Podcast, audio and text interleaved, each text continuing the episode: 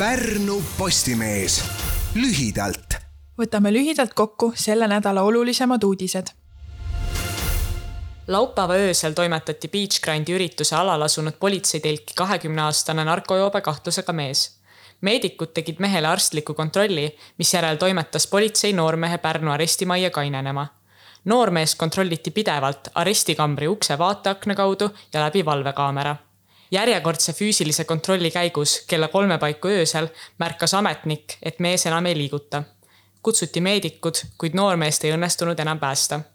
eeldatav surma põhjus on narkootikumide üledoos, ent täpsema surma põhjuse selgitab ekspertiis nädalavahetusel toimus rannas Euroopa suurim rannavolle festival. kokku osales turniiril nelisada nelikümmend kaks sportlast.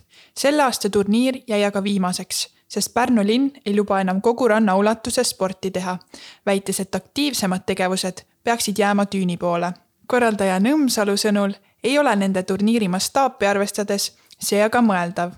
linna kõneisik tõi välja, et nemad on valmis läbirääkimisteks, kuid see eeldab kompromisse Sauga-Pärnu lõigu neljarajaliseks ehitamine võib alata juba sügisel.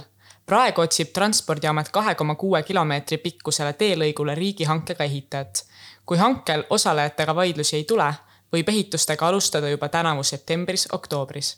tööd vältavad ligemale kaks aastat ja peaksid lõpule jõudma kahe tuhande kahekümne viiendal aastal. mitmes kohas paraneb liiklusohutus. paraku kaasneb uue tee ehitusega hulga puude mahavõtmine eelmisel nädalal võeti suplusveeproove ning leiti, et Raeküla ja Vana-Pärnu randades on pisut üle normi ulatuvat bakteriaalset reostust Nendes kohtades peaks vältima vee alla neelamist.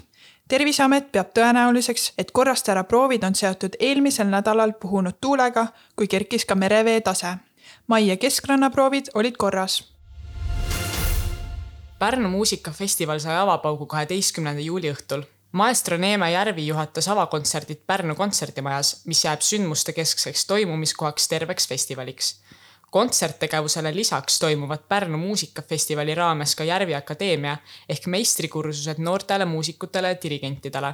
Neid korraldavad nii Neeme Järvi, Paavo Järvi, Kristjan Järvi kui ka mitmed teised tunnustatud dirigendid. Neeme Järvi sõnul toimub Pärnus kogu maailma jaoks midagi väga suurt. Uudiste nädala võtsid kokku ajakirjanikud Emilia Haljas ja Elisa Beljajev.